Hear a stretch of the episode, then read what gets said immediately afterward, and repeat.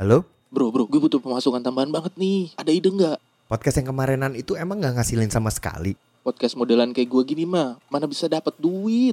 Makanya hosting podcastnya di First Story aja. Di sana ada First Story Ads. Podcast kita bisa dapat duit tuh lewat iklan kayak gini. Hah? Ini iklan? Dapatnya lumayan loh. Rutin tiap bulan langsung masuk ke rekening. Hah, serius lu? Haho haho. Iyalah. Udah gitu podcastnya bisa didengerin di semua platform kayak Spotify, Noise, Apple Podcast, semualah. Ya udahlah, kita gas aja lah yuk. Gue mau udah join. Eh bentar ya, gue closing dulu. Ah, closing? Emang ini iklan beneran ya? First Story, platform hosting podcast paling ideal, rahasia para podcaster sukses. Mulai perjalanan berpodcastmu dengan First Story dan monetisasi kontenmu sekarang juga. Pelajari lebih lanjut di www.firststory.me. Terima kasih dan silakan menikmati episode ini. Hmm, iya beneran iklan ini mah.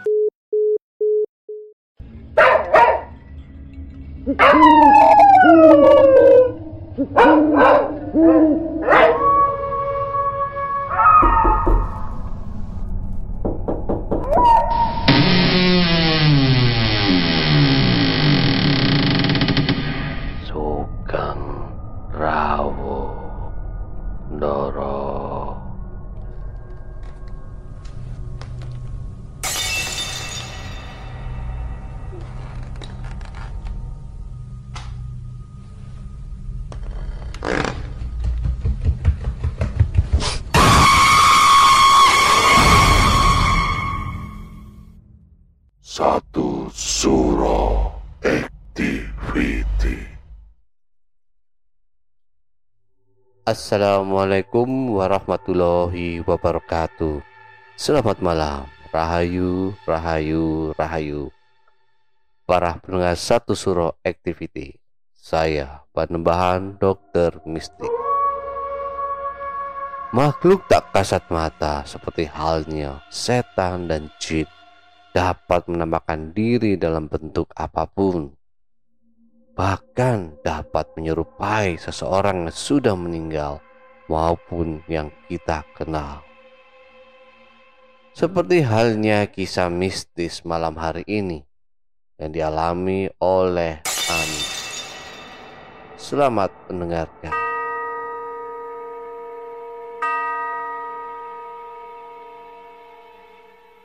Halo, nama saya Ami. Saya dari Papua khususnya di Jayapura. Saya juga ingin berbagi sedikit cerita tentang pengalaman saya waktu saya dan anak saya yang lagi berumur sekitar tiga bulan. Saat itu kami berdua sedang tidur karena suami saya di tempat kerja. Jadi saya tinggal berdua dengan anak saya. Singkat cerita, setelah selesai beres-beres rumah, saya pun tak lupa memandikan anak saya sekitar pukul 3 sore. Sehabis mandi, saya tak lupa juga kasih minum susu karena anak saya masih minum ASI. Jadi kami berdua tidur sekitar pukul 11 malam. Saya rasa lapar, jadi saya bangun untuk makan. Tiba-tiba anak saya menangis sampai dikasih ASI juga dia tidak mau. Saya pun panik, maklum anak pertama. Setelah saya bujuk anak saya pun tidur. Dan pada saat tengah malam Sekitar pukul 1 lebih 32 menit Saya pun tak tahu apa saya mimpi atau tidak. Karena yang jelas Saya melihat Sosok perempuan berbaju putih polos duduk di samping anak saya dan membuat saya terkejut. Makhluk tersebut ingin menyusui bayi saya dan spontan saya pun marah. Hei, siapa kamu? Kenapa kamu mau susui anak saya? Dan dia pun menjawab, Karena waktu saya lewat saya dengar anak kamu menangis. Jadi saya mau kasih asi biar dia diam. Dan saya pun marah lagi. Sudah, kasih kembali anak saya. Dan dia pun hilang dalam sekejap mata. Pada pagi harinya, saya pun dengar berita duka kalau saudara sepupu saya punya istri meninggal, tapi dengan keadaan hamil. Jadi saya pun diminta sama orang tua saya untuk tinggal sementara di rumah mereka. Sampai suami saya pulang karena takut kalau nanti anak saya diganggu hantu kuntil anak itu lagi. Maaf kalau kurang seram ceritanya. Tapi ini yang saya alami. Terima kasih.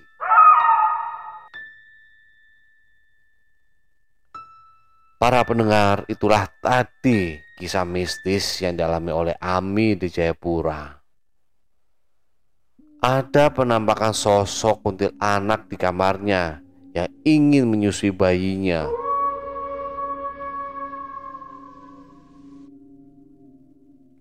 Dan sosok si kuntil anak tersebut menyerupai istri dari sepupunya yang meninggal saat kondisi sedang hamil. Setan, jin yang senang terhadap bayi dan anak-anak yaitu identik dengan makhluk kuntil anak dan bebek gombel. Jin pun juga dapat menyerupai dengan sosok orang yang pernah kita kenal atau orang yang kita kenal atau orang yang sudah meninggal. Kadang-kadang di desa-desa terjadi anak-anak hilang disembunyikan oleh sosok makhluk tersebut. Jika hal tersebut terjadi, biasanya yang dilakukan oleh para penduduk desa atau masyarakat, yaitu dengan membunyikan kentongan sambil membacakan doa-doa atau bersolawat agar bayi atau anak-anak yang disembunyikan bisa kembali lagi ke dunia nyata. Percaya nggak percaya, biasanya orang Jawa Di bawah bantal si bayi diberikan peniti, jarum atau gunting untuk menangkal agar tidak diganggu setan atau sosok kuntil anak atau baby gombel. Konon katanya juga, jika ada wanita yang meninggal karena kondisi hamil, maka sosok tersebut bisa menjadi sosok kuntil anak walau alam bisawab. Tapi menurut saya orang yang meninggal dalam kondisi hamil atau melahirkan menurut saya dalam Islam mereka meninggal dalam keadaan suci jihad dan tidak mungkin juga menjadi sosok hantu atau jin. Bisa jadi itu makhluk-makhluk jin yang jahat yang usil yang menyerupai orang tersebut. Jika kita mengalami hal tersebut, jangan lupa memohon perlindungan dan berdoa kepada Allah Subhanahu wa taala. Kepada Tuhan yang menciptakan alam semesta. Para pendengar, apakah pernah mengalami hal mistis yang sama seperti cerita malam hari ini? Silakan ketik di kolom komentar. Nantikan kisah mistis selanjutnya yang membuat kamu merinding minggu depan. Para sahabat satu suro activity. Tinggalkan catatan doa kalian di kolom komentar. Like, subscribe, dan bunyikan lonceng keramatnya. Para sahabat satu surah activity, tetaplah iling lan waspodo. Assalamualaikum warahmatullahi wabarakatuh. Salam, salam, salam. Rahayu, rahayu, rahayu. Sa